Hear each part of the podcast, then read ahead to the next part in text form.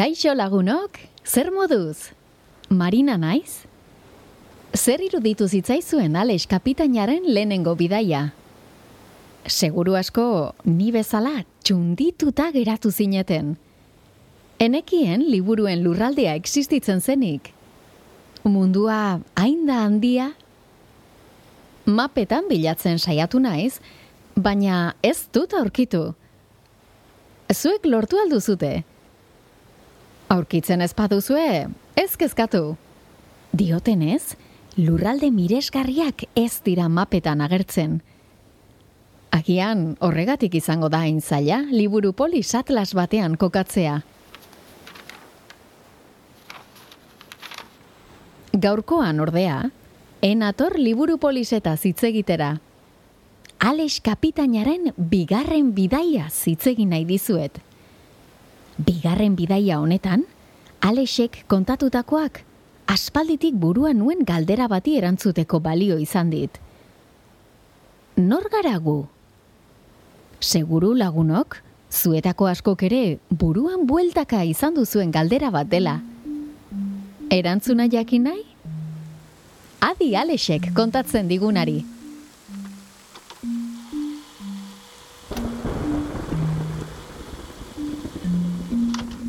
Kaixo lagunok, liburu polis atzean utzi dut. Itxaso gorria zeharkatu eta Nilo ibaian barren amor gilduz, Sudanera iritsi naiz. Afrikara! Bertan, dinka izeneko tribu bat ezagutu dut. Ongi etorri aparta egin didate. Dinka tribuko kideak oso jatorrak dira. Gauza asko ikasten ari naiz beraiekin bizitzen nabilen egun hauetan. Lehenengo eguzki izpiekin esnatzen gara. Goiza animaliekin jolasten pasatzen dugu. Batzuetan gu beraien atzetik korrika. Bestetan beraien geure atzetik korrika ere. Animali guztien artean, beraien gustokoena behiak dira. E, kontuz, beia, e, a- alde, a, a, alde hemendik. Eundaka dauzkate. Arratsaldetan basoan barrena murgiltzen gara fruitu eta barazkien bila. Afalostean berriz, danbor soinuen erritmoari jarraituz, suaren inguruan dantzatzen dugu.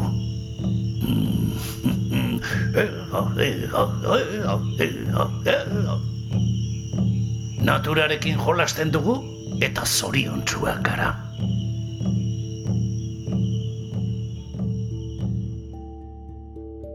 Itzulerako bidaia prestatzen ari naizela, tribuko kide batek liburu bat oparitu dit. Liburu honetan gizakiok nondik gatozen erakusten digu. Milaka urte pasa dira lehenengo gizakia sortu zenetik. Gauzak asko aldatu dira, baina konturatzen naiz eskarela horren ezberdinak. Guztiok naturan bizi eta natura maite dugu. Guztiok giza animaliak gara. Aiene, aiene. Bueltako bidaia berandutzen ari zait, eta gainera badirudi berriz ere gaitza datorrela. Banoa baporera itxaso zakarra hasi baino lehen. Bestela itzulerako bidaia neketsua egingo zait.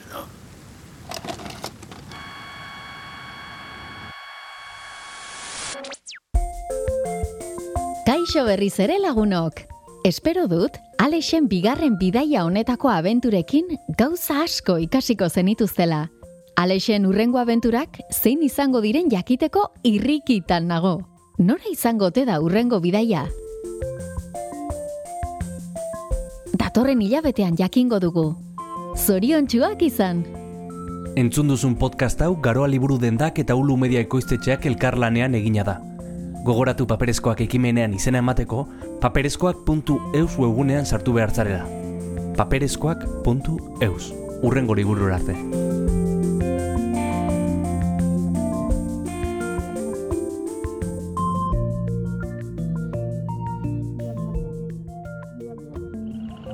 Ei, entzun hori. Ulu media.